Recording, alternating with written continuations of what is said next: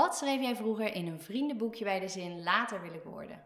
Daar heb ik dus serieus heel lang over nagedacht, omdat ik me dus niks kon herinneren.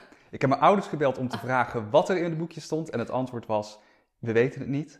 Maar wat ze wel wisten is dat ik altijd bezig was met dingen organiseren, ondernemen, verkopen. Dus ik denk dat ergens het theater en Ja, een, een stage nemen wel eh, eh, ergens toch in een boekje gestaan moet hebben. cool. Wat is je favoriete Delftse plekje? Ik denk toch wel het Agathaplein. eh Sint Agathaplein, als je daar binnenkomt, dan voel je Ja. toch die warme historie van de stad Delft. Ja. En als alles mogelijk zou zijn, zou ik. Ervoor zorgen dat ik vijf dagen in de week voor het Delft Fringe Festival zou kunnen werken, makers betaald zou kunnen krijgen op een eerlijke manier en ook voor het personeel. En zorgen dat een groot publiek het festival zou leren kennen.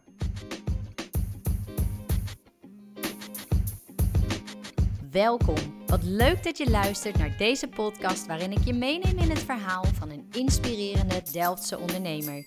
Welke stappen zijn er afgelegd om uiteindelijk het avontuur aan te durven gaan?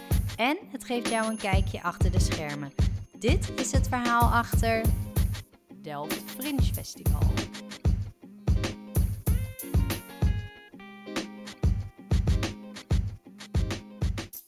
Dans, muziek, cabaret en kleinkunst. We snakken er allemaal naar. Jonge makers krijgen op dit culturele festival een podium om te laten zien wat ze kunnen. 2020 was het tienjarige jubileum. Helaas kon die editie niet doorgaan. Op dit moment staan ze zeker niet stil. Er komt namelijk weer een nieuwe editie aan dit jaar. Hoe gaat dit eruit zien en hoe is dit festival ooit ontstaan? Vandaag zit Roel Beefting Funke bij mij aan de keukentafel om je er alles over te vertellen. En hoor je het verhaal achter Delft Fringe Festival.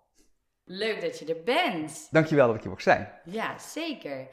Delft Fringe, ja, eh, ik ken het wel, maar ik denk dat er nog wel eh, wat over verteld kan worden voor de mensen die het niet weten. Kun jij vertellen wat het precies voor festival is? Jazeker. Wij eh, organiseren een eh, jaarlijks theaterfestival eh, in de binnenstad van Delft. Op eh, eigenlijk allerlei bijzondere plekken in de binnenstad presenteren we een nieuwe generatie makers, nieuwe artiesten, die eh, een paar jaar geleden zijn afgestudeerd aan de kunstvakopleidingen.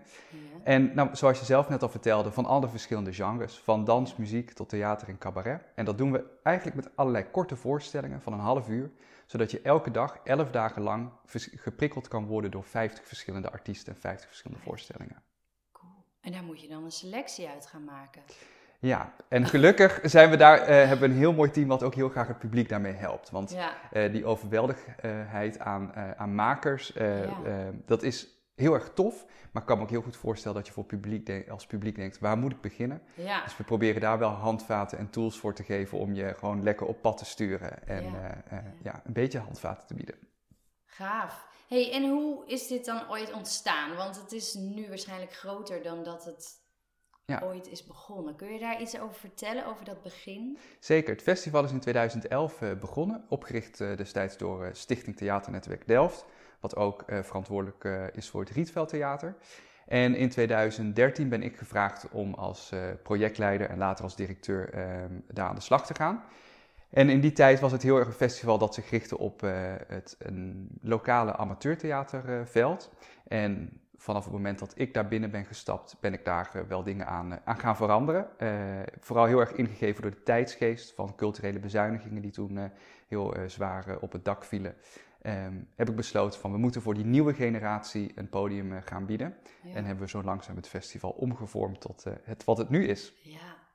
Ja, want wat ik me kan herinneren is dat, dat je echt op verschillende plekken, in verschillende winkels ook, ehm, verschillende plekken in de stad, dat je ergens naar binnen kunt gaan.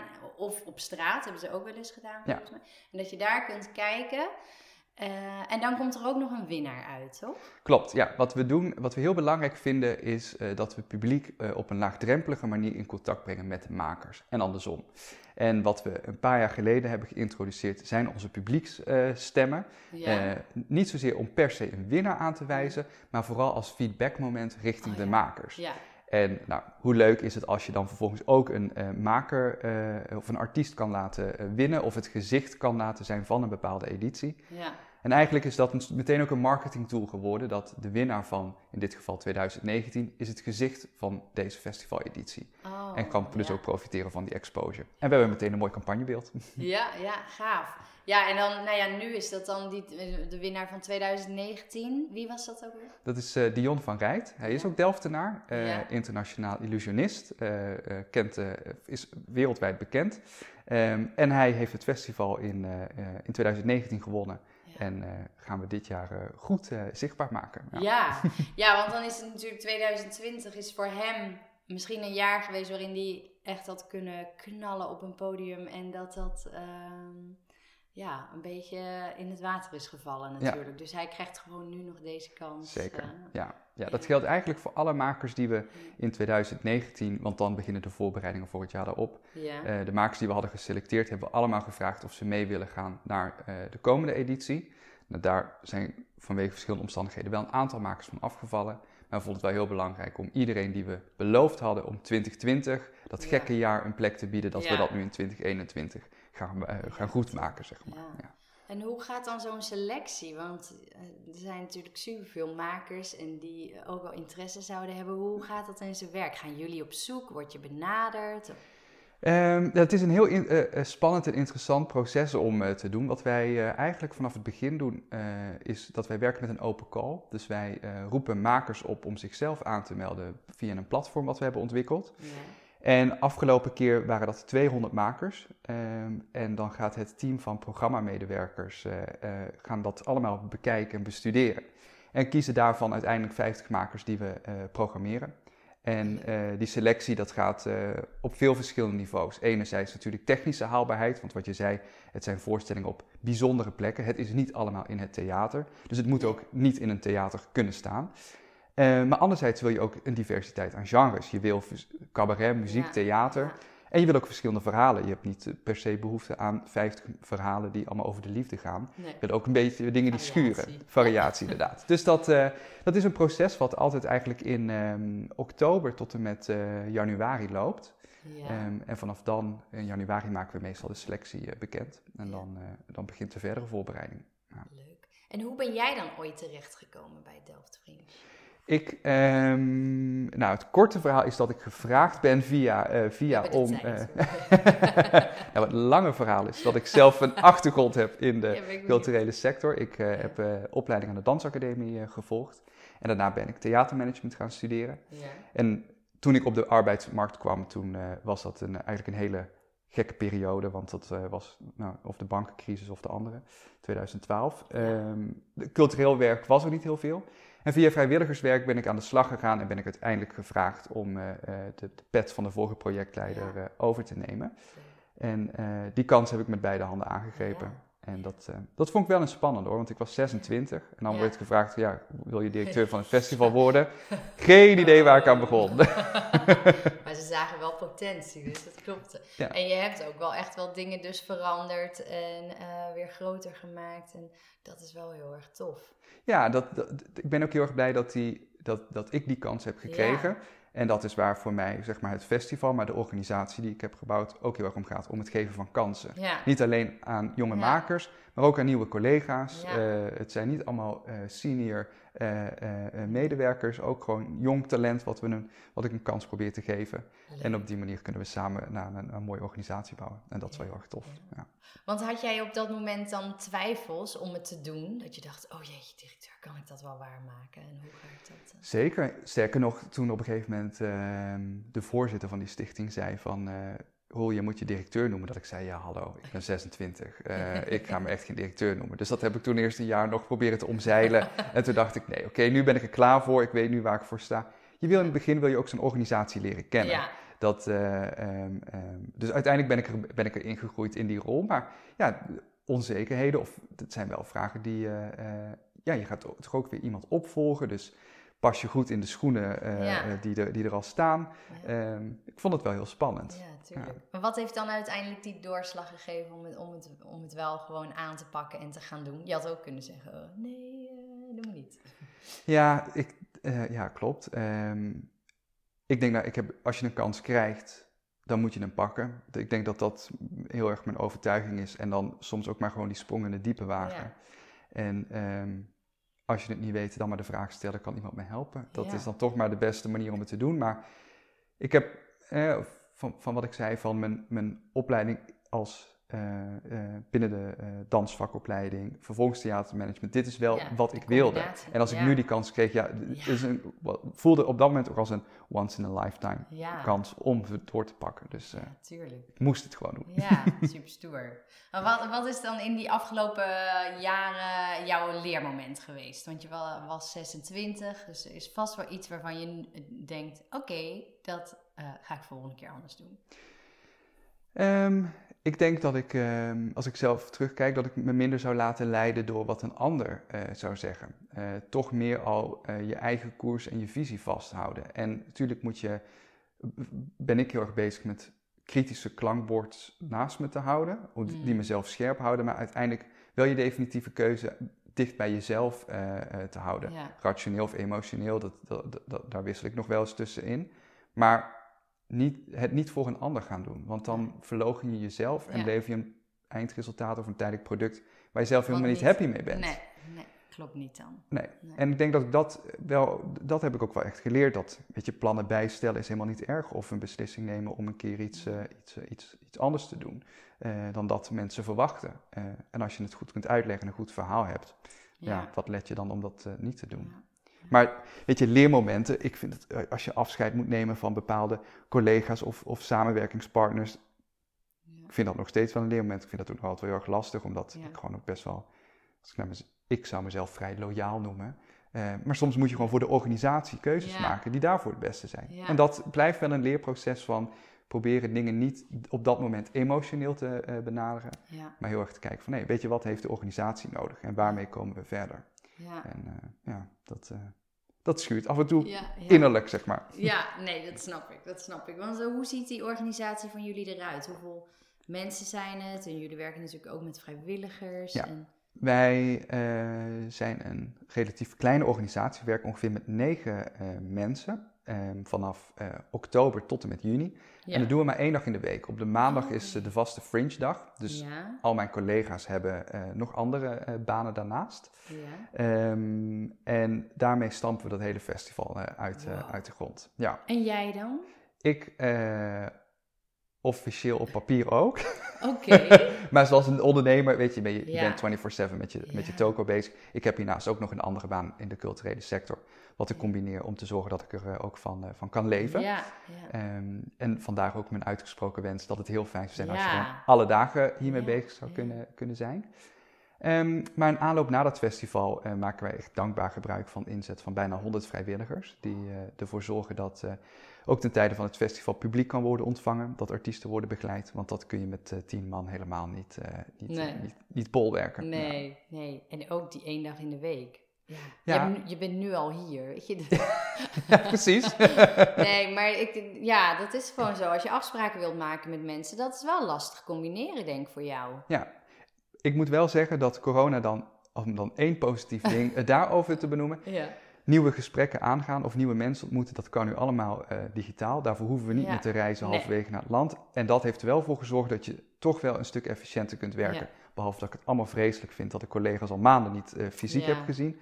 Maar heeft dat stukje het wel eh, wat makkelijker gemaakt. Ja. En omdat ik dus volledig in de culturele sector eh, werk, heeft mijn andere werkgever eh, vindt het ook prima als ik af en toe moet, moet schuiven met wat afspraken. Ja. Dus dat, dat is gewoon heel erg fijn. En, wa- en wat is dat dan?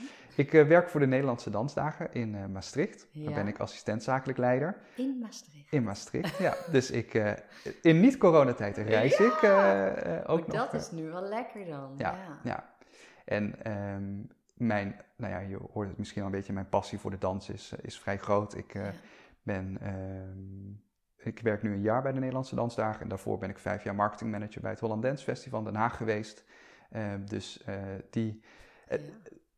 los van mijn eh, ehm, hart voor de dans is het ook heel erg mooi om bij dat soort grote organisaties mee te kunnen kijken. En dat Ja. vind ik ook heel tof van mijn andere collega's, die ook in andere domeinen werken, om input vanuit andere organisaties mee te nemen naar Delft. Waar we zelf weer van kunnen leren, eh, onze eigen organisatie van kunnen laten groeien. En soms ook weer dingen vanuit Delft terug te geven aan, Ja. aan andere organisaties. Ja, Ja. leuk. hey, en dans je dan zelf ook? Nee, nee, nee, nee. Nee? Nee, nee. Niet gedaan ook? Nee, ik heb eh, een blessure opgelopen. Oh. dus dat heeft ervoor gezorgd dat ik erbij ben gestopt. En dat ik ook de theatermanagement kant op ben gegaan. En dat, dat is helemaal prima nu zo. Ja, maar op dat moment denk ik niet.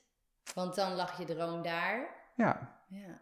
nee, dat Dat klopt. En eh, ja, dat, dat, dat, dat, is, eh, dat is natuurlijk wel eh, pijnlijk geweest. Iets Ja. waar je zoveel tijd en uren in hebt gestoken, dat dat op een gegeven moment niet meer lukt. Ja. En ben ik heel erg blij dat ik, dat ik deze kans heb kunnen, of de- deze opleiding heb gezien, of dit, dit beroep heb ontdekt.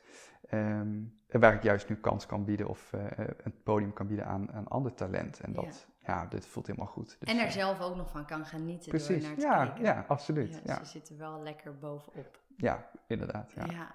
Oh, dat is wel bijzonder dat je dan zo wel je werk ervan kan maken. Dat is wel echt... Ja, daar ben, ik ben daar super blij mee. Dat dat op, eh, op die manier, weet je, dan komt alles toch wel weer goed. Of in ieder geval, dat moet je ook maar zelf voorhouden. Want als, dat, eh, als je dat niet doet, dat alles niet goed komt, dan, eh, nou ja, zo kan ik ook niet leven. Ja. hey, en nou ja, de, de, helaas ging dan vorig jaar de, tienjarig jubileum niet door.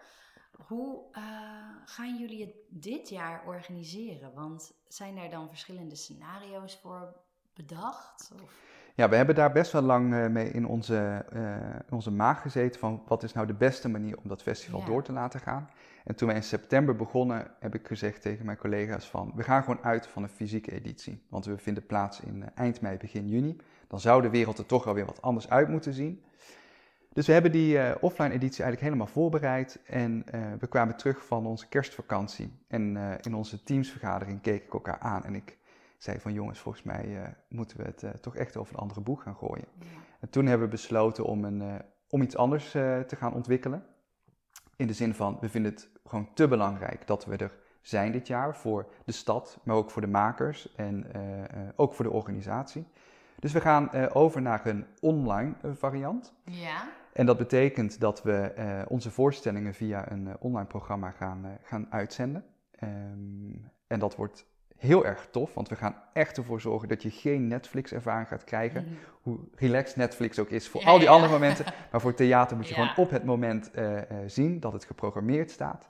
En we gaan ook ehm, kijken of we toch nog in beperkte mate wellicht iets eh, fysieks kunnen gaan organiseren. We zijn bezig met, een, met de samenwerking met de TU Delft om een heel bijzonder festivalpaviljoen op de markt te gaan, gaan plaatsen. Wat een soort van verbinding kan zijn tussen de online wereld en de offline wereld. Om Ja. toch die fysieke zichtbaarheid in de stad eh, eh, Ja. eh, te houden. Ja, dan wordt het vanuit daar ook uitgezonden. Of... Nou, dat doen we dan weer net niet, want dat is technisch te complex. Ja, snap Ehm, ik. En we zijn nog heel erg afhankelijk van wat de veiligheidsregio's Ja. doen. Dus we moeten in die zin toch wel met een aantal scenario's gaan werken. Maar we kiezen er in ieder geval voor om in ieder geval te zorgen dat dat online platform, dat dat helemaal goed en strak staat. En als we dan omwille van, eh, nou ja, of dankzij de tijd, dat we toch weer dingen live kunnen gaan toevoegen, gaan we kijken wat op dat moment nog haalbaar is. Ja. Maar dat we niet weer, net zoals vorig jaar, met soort van de finish in, eh, eh, Ja. in, in zicht, dat we weer alles met lege handen stonden. Ja. En we willen dat echt voorkomen dit jaar. Ja, ja. En eh, hoe kunnen ze dan bij jullie terecht? Eh, De, de makers zijn al wel eh, Ja. bekend. Ja, we hebben 33 makers die we dit jaar gaan presenteren. Ja, We, ze komen allemaal naar Delft om hun voorstelling hier te laten registreren. ja. En ehm, dus dat gaat wel buiten het publiek zeg maar om. ja, en Ehm, dat kan je dan nog wel op die bijzondere plekken, locaties doen? Of ziet dat er ook anders uit? Het ziet er anders uit. We gaan één locatie echt om eh, turnen tot eh, de. Fringe eh, Studio, of het Ja. Fringe Theater. Omdat we, eh, nou ja, je hoort het al een beetje, de, de middelen zijn voor onze organisatie beperkt. Dus we moeten Ja. daar heel slim mee, eh, mee omgaan. Dus, maar we willen het, vinden het heel belangrijk dat die kwaliteit gewoon goed is van die, van die registratie. Dus we doen dat op één plek die we goed in kunnen eh, richten. En dat Ja. is de sigarenfabriek eh, geworden. eh, waar we al twee, drie jaar gebruik van maken. Dus dat is echt waanzinnig dat zij dat voor ons openstellen. Ja, Maar precies wat je zegt, die bijzondere locaties zijn heel erg belangrijk. Dus we gaan wel ook aan de slag met die locaties van hoe kun je zorgen dat zij zichtbaar worden. En voordat ik alle leuke elementen daarin verklap, ehm, weet je, zijn dat wel de, e- precies de elementen ehm, die we terug gaan laten komen. Ja. Want voor mij en ook wel voor het publiek is Delft Fringe Festival de stad Delft, de bijzondere locaties en die makers en het Ja. publiek. ja, En vanuit die verschillende hoedanigheden denken we echt goed na over wat heb je als publiek nodig, dan wil je elkaar ontmoeten. Dus we gaan zorgen dat je elkaar online ook kunt ontmoeten. Ja. En hoe die locaties, dat die toch ook inzichtelijk worden. Dus daar zijn we allemaal mee bezig. Ja. Maar ik laat een klein beetje aan de verbeelding nog over voor nu. dat is goed. Wanneer, wanneer is het? Wanneer vindt het festival plaats? Ehm, oh god, nu vraag eh, dat is erg. Volgens, eh, uit mijn hoofd 27 mei tot en met 6 juni.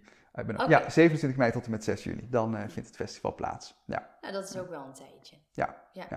Maar de tijd gaat snel, want eh, het is Ja, nu ja, ja. maart. Dus Ja, ja, ja, eh, ja, ja. Ja, we ja, ja. zitten volop in de, in de voorbereidingen nu. Ja.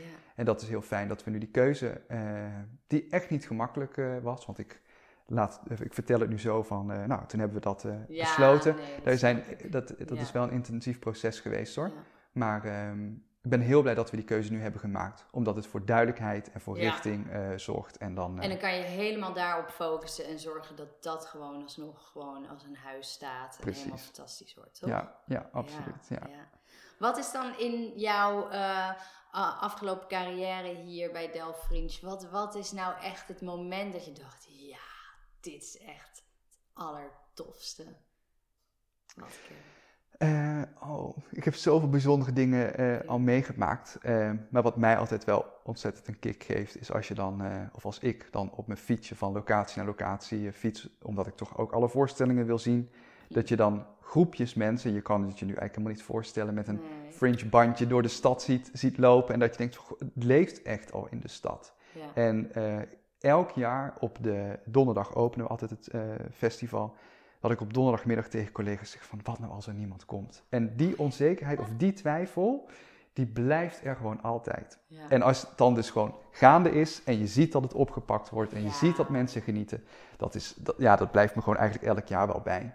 ja. En ehm, ja, ik, ehm, ik- Delft is ook zo'n mooie stad om, waar dit festival landt. Delfts publiek staat zo open voor verrassingen en voor, eh, voor nieuwe dingen. Dat is zo leuk om ook op een laagdrempelige manier in gesprek te gaan met het publiek. Ja. En van elkaar te leren en te horen wat ze er wel of niet eh, eh, mooi van vonden. Ehm, ja, dus ik heb echt wel op verschillende, pl- ja, verschillende niveaus dingen die me heel erg bijblijven. Ook Ja. van voorstellingen die ontzettende indruk hebben gemaakt. ja. Ehm, ja.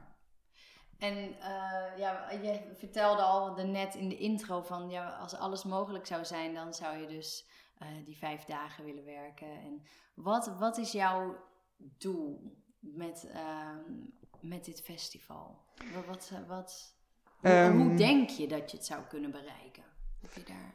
Ja, ik denk dat ehm, waar wij mee bezig zijn, we hebben een meerjarenplan nu, eh, nu ontwikkeld, ehm, waarin we eh, jaarlijks het festival organiseren, maar dat we ook heel erg nadenken over wat na het festival voor de makers en publiek. In het culturele veld wordt altijd het onderscheid gemaakt van ben je een publiek dat gericht is, of ben je een festival dat gericht is op publiek, of ben je Mhm. een festival gericht is op makers. Ja, En wij hebben ervoor gekozen, wij zijn dat voor allebei. We vinden het belangrijk dat nieuw publiek in aanraking kan komen met het festival of met de podiumkunsten. En dat we publiek ook kunnen helpen met andersoortige voorstellingen te eh, eh, eh, gaan ontdekken. Dus bijvoorbeeld wat wij doen is dat we na het festival Delft Fringe Nights organiseren. Een soort van best-of in het Rietveld Theater met drie voorstellingen. En één keer in de zoveel jaar maken we ook een Delft Fringe Festival productie. Wat betekent dat we één maker de kans geven om een avondvullende voorstelling te maken op een bijzondere locatie. En op die manier willen we enerzijds het publiek meenemen Ja. eh, naar verschillende onderdelen eh, eh, van de podiumkunsten. Maar willen we ook veel meer voor makers nog wat kunnen betekenen in hun carrière. ja, En dat is enerzijds dus al een belangrijk criterium bij de selectie van de festivaldeelnemers. We win- willen, we willen echt een, een, een, een toegevoegde waarde zijn aan de carrière van die maker. Maar Delft met de TU als stad van innovatie, als een proeftuin, weet je, dat, of een kweekvijver. Wij zijn als festival ook een kweekvijver. Dus dat past zo goed bij dat DNA. Dus dat zou ik heel graag willen eh, Ja. eh, vergroten en, eh, en verbeteren. Een sta- nog een stabielere plek daarvoor kunnen zijn. Want in Nederland zijn er niet zo heel veel plekken die echt voor dat jonge talent een, een duurzaam podium Ja. bieden. ja, en dat heeft waarschijnlijk ook weer met geld te maken. Dus hoe, hoe wordt het bij jullie gefinancierd? Wij zijn voor een gedeelte krijgen wij ondersteuning vanuit de gemeente Delft. Maar het, grote, het, echt het allergrootste gedeelte halen wij uit de fondsenwerving Ja. eh, en deels publieksinkomsten. Eh, nou, kun je je voorstellen dat het in dit jaar met een online festival in één keer heel wankel wordt. In ieder geval die publieksinkomsten. Want We zijn allemaal gewend om voor een tientje per maand Netflix af te nemen. En dan eh, zien, we, zien we alles wat je, wat je wil. En dat, voor een tientje alle voorstellingen zien, dat, eh, dat gaat helaas Nee. eh, niet. Of misschien ook maar goed ook. Dus die financieringsmix is altijd wel heel erg spannend. En Ja. eh, daar gaat ook veel eh, tijd in zitten om te zorgen dat, eh, ja, dat we fondsen meekrijgen. Dat we onze vrienden activeren om in ieder geval een bijdrage te leveren. Ja. En ook de relatie met de gemeente Delft is daarin heel belangrijk. Om, dat dat toch wel het startpunt is. ja. Je kleine basis om vanuit daar aan de slag te gaan om meer te gaan, gaan werven. Ja, want je kunt ook vriend worden dus. Ja, klopt inderdaad. Ja. En hoe, hoe gaat dat in zijn werk? Nou, dat is eh, relatief eenvoudig. Ja, zeker. Nou, via onze website kun je voor 25 euro per, eh, per jaar kun je vriend worden van het festival. ja. Dat is een vrij eh, bescheiden bedrag. ja. Maar we vinden het gewoon heel fijn om te weten dat we een grote kring van ambassadeurs om ons heen hebben. En ehm, hoewel die bijdrage op dit moment nog niet substantieel is, we zitten nu op 50 vrienden, we zijn er nu een jaar mee bezig. Dat is fantastisch dat dat zo snel is eh, gegroeid. Ehm, maar ehm, ehm, willen we wel in de, in de nabije toekomst kijken van, goh, kunnen die eh, private eh, inkomsten of donateurs, kunnen die wellicht nog een grotere bijdrage leveren aan onze financieringsmix? ja. Om, te, Ja. om ervoor te zorgen dat we er juist voor het talent kunnen, kunnen zijn. Omdat nou ja, financiering ook in de gemeente Delft onder druk staat. Ja. Dus dat, eh, Ja, en, en een kaartje, wat, eh, weet je daar de prijs al van? van ja, deze? we vragen 5 euro per, eh, per voorstelling. Ehm, en dat is eh, behoorlijk eh, schappelijk. Want we vinden ook dat belangrijk. Dat we voor een groot publiek toegankelijk zijn. Ja. En dat we niet eh, te grote eh, eh, prijzen vragen. En wat we daarmee doen, eh, is dat we 50% van die eh, kaartprijs gaat direct naar de maker. En 50% is voor de organisatie. Omdat we eh, het ook gewoon belangrijk vinden dat makers in deze tijd, dat daar gewoon het grootste gedeelte van het geld ook naartoe gaat. Ja. Omdat eh, zij uiteindelijk echt ook wel kind van de rekening zijn geworden van Ja, eh, de hele coronasituatie. Zij, zij spelen al maanden niet meer. Dus Nee. dat, dat moeten we echt overeind Ja, houden. bizar hè? Ja. Ja, dat is echt triest. Ja. En kunnen mensen nu al kaartjes kopen? Nee, dat nog niet. ze kunnen zich wel abonneren op onze nieuwsbrief. Dan weten ze wanneer de kaartverkoop start. Nee, dat is wel heel grappig. Normaal gesproken hebben we een heel eh, duidelijk tijdschema van eh, dan is eh, aankondiging, dan is start kaartverkoop. Maar dit jaar heeft ervoor Ja. gezorgd, of eigenlijk vorig jaar ook al, dat alles zo is gaan schuiven. Ja. Dat we verwachten dat eind april, maar zeker voor 1 mei, de kaartverkoop gaat, gaat starten via onze website. Ja, en als mensen dan een kaartje kopen, is het gewoon gegarandeerd dat het doorgaat. Want Ja. met de maatregelen die er. Nou ja, je weet natuurlijk nooit wat er gaat gebeuren als het nog erger en eh, heftiger wordt. Ja. Maar dan eh, is dit gewoon gedekt. Ze kunnen gewoon kijken. Precies, precies. Ja. En daarom kiezen we dus inderdaad ook voor die online variant. Ja. Omdat we gewoon niet het risico willen lopen dat we straks weer te horen krijgen van het kan niet doorgaan. Want dan moet je het publiek voor een tweede jaar teleurstellen. En makers. En, en dat, dat- we, we hebben gewoon allemaal een lichtpuntje nodig. Iets om weer naar uit te kijken. En Ja. Misschien is het dan dit jaar niet fysiek in de, in de stad, maar lekker in je tuin eh, met je laptop of eh, met een paar vrienden in de tuin of in het park. eh, daar gaan we nog ook. erbij. Precies, precies. Even, het, even het leven vieren. En Drankje dan, erbij, niet ja. per se bier. nee, maar wel gewoon, ja, want het, het- ja, het gaat uiteindelijk ook wel om die sfeer. En dat is online wel anders. Ja. Terwijl ik ook denk dat, dat het wel op een bepaalde manier gebracht kan worden. Dus Ja. ik ben heel erg benieuwd. Ja, Leuk. yes. Dus als we meer informatie willen, dan kunnen we kijken op jullie site. Yes. Www.delftfringefestival.nl Ja, en eh, Instagram, eh, eh, at Delft Fringe Festival. Facebook. Slash Delft Fringe Festival. Oké, dus jullie zijn genoeg zichtbaar in ja, ieder ja, geval. ja, ja. Dus dat eh, nu, eh, nu dit, eh, want je bent eigenlijk de eerste die echt van mij te horen krijgt wat de vorm van het festival gaat, gaat worden. Vanaf nu kunnen we ook los en kunnen we ook gaan communiceren. Want dat is de afgelopen maanden hebben we dat allemaal onder de pet moeten houden. Dus de campagne gaat eh, langzaamaan starten. Ja, het is nu maart, dus nog een kleine twee, twee maandjes. Mhm. dan. ja, ja. dat gaat snel. Ja, ja, ja, ja. Leuk, leuk. Ik ben heel erg benieuwd. Nou, en de mensen kunnen dus nog geen kaartjes kopen, wel eventueel vrienden worden. Yes, eh, om jullie ook te helpen en de makers daarbij ook te helpen. absoluut. Ja, Ja. ja. Ik wil je bedanken voor dit gesprek. Jij heel erg bedankt. Leuk om hier te zijn. Graag gedaan en heel veel succes met de verdere voorbereidingen. Dankjewel. Bedankt voor het luisteren. En vond je dit nou een leuke aflevering? Wees dan zo lief om te liken, te delen, een hartje te geven of te abonneren. Daar help je mij en de ondernemers mee. En wil je meer informatie over mij? Kijk dan op www.tamaravreugdeneel.nl. Tot de volgende!